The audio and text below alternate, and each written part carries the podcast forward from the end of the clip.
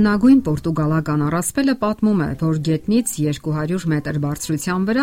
բարձրաբերձ ժայռերի մեջ գտնվում էր մի վանք։ Ճանապարհորդներն ու ուխտավորները բարձրանում էին վերև գործված հսկայական զամբյուղով, հին մաշված թոկի օգնությամբ։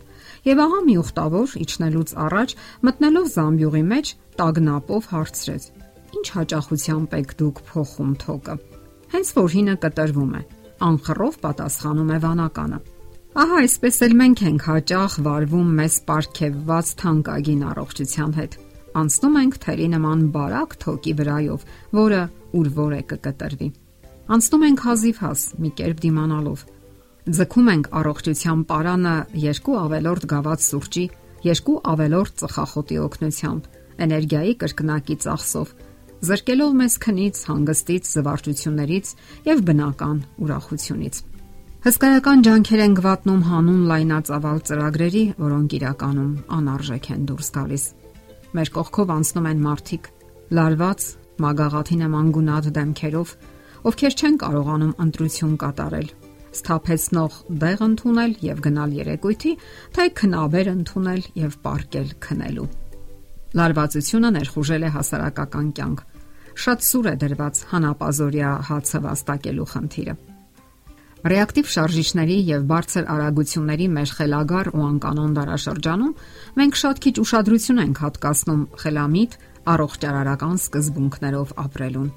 Մենք սլանում ենք ժամանակակից կյանքի լայնահուն խճուղով այնքան ժամանակ, մինչև մեր կյանքի թոկը մաշվում է եւ ամեն պահի կարող է կտրվել։ Հետո մենք սկսում ենք վճարել դրա համար ժամանակով ու դրամներով նոր միայն սկսում ենք գիտակցել, որ կտրված թոկը անհնար է փոխարինել։ Արարիչը կյանքի միայն մեկ թել է տվել մեր ձեռքը։ Բնական է, որ բոլորս էլ գիտենք, որ մի օր այդ թելը կտրվելու է։ Յուրաքանչյուր մարդու հետ դա մի օր տեղի կունենա։ Հարցն այն է, թե արդյոք պետք է, որ դա այդքան շուտ տեղի ունենա։ Առողջությունն ունի իր բանալիները, որոնք անհրաժեշտ է օգտագործել բացելու օրգանիզմի անսահման հնարավորությունները։ Այդ բանալիներից առաջինը ճիշտ սնունդն է։ Այսօր շատ մարդիկ են մահանում քաղաքակրթության հիվանդություններից, սրտի խնդիրներից, քաղցկեղից, ինսուլտից։ Հիշենք, որ վաղաժամ մահվան պատճառ են հանդիսանում սահմանային ճարպերը եւ առատ խոլեստերինը Սրանց հիմնական աղբյուրը կենթանական ցակման մթերքներն են, որոնք սովորաբար օգտագործվում են բարդ ածխաջրերով հարուստ սննդամթերքների հետ միասին, ինչպիսիք են հատիկեղենը, բանջարեղենը, մրգերը։ Սննդի մեջ միս, կատնամթերք եւ ձու օգտագործող տղամարդիկ 50%-ով մեծացնում են սրտի հիվանդություն վաստակելու վտանգը։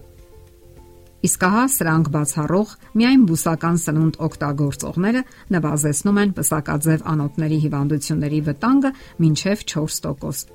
Մեկնաբանելով այդ առավելությունները, ամերիկյան բժշկական ընկերակցության ամսագիրը պնդում է, որ խիստ բանջարեղենային սննդակարգը կարող է կանխել ինսուլտը մինչև 90%-ով եւ սրտամկանի ինֆարկտը մինչև 97%-ով։ Շագանակագեղձի, կատնագեղձի, հաստ աղուք հաղցկեղի վտանգը 3-ից 4 անգամ մեծ է այն մարդկանց մոտ, ովքեր ամեն օր միս, ձու եւ կատնամթերք են օգտագործում, համեմատած հազվադեպ կամ ընդհանրապես չօգտագործողների հետ։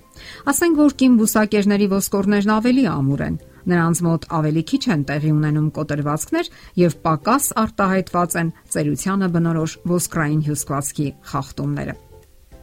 Բազմաթիվ գիտական տվյալներ կան երկարակյացների մասին, որոնք 100 տարեկանում էլ առողջ եւ ակտիվ են բուսական սննդի շնորհիվ։ Եվ այսպես, կյանքի դժվարին լարված ռիթմին դիմանալու համար հարկավոր է կարևորել առողջությունը եւ Աստծո ապարգեված հրաշալի օրգանիզմը։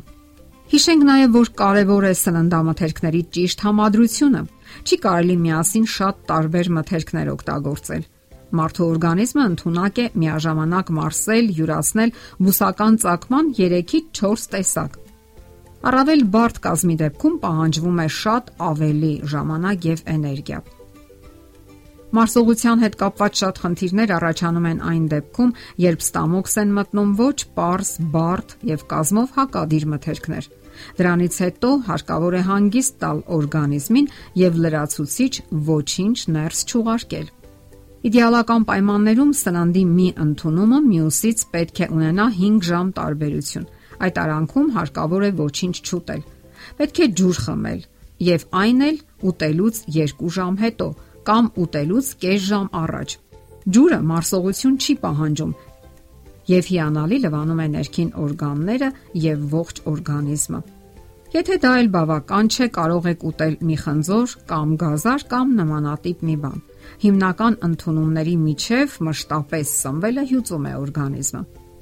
Մարսողությունը մկանների, հորմոնների եւ ֆերմենտների աշխատանքի բարդ համակցություն է, իսկ ավելորդ լարումը խախտում է այդ ռիթմը եւ հոգնեցնում մարմինը։ Դե ինչ, սկսեք ճիշտ սնվել եւ զգալի գումար կխնայեք դեղորայքի հաշվին, ցավերի հաշվին։ Հիշեք, մենք չենք ապրում ուտելու համար, այլ ուտում ենք ապրելու համար։ Եթերում առողջ ապրելակերպ հաղորդաշարներ։ Ձեզ հետ է Գեղեցիկ Մարտիրոսյանը։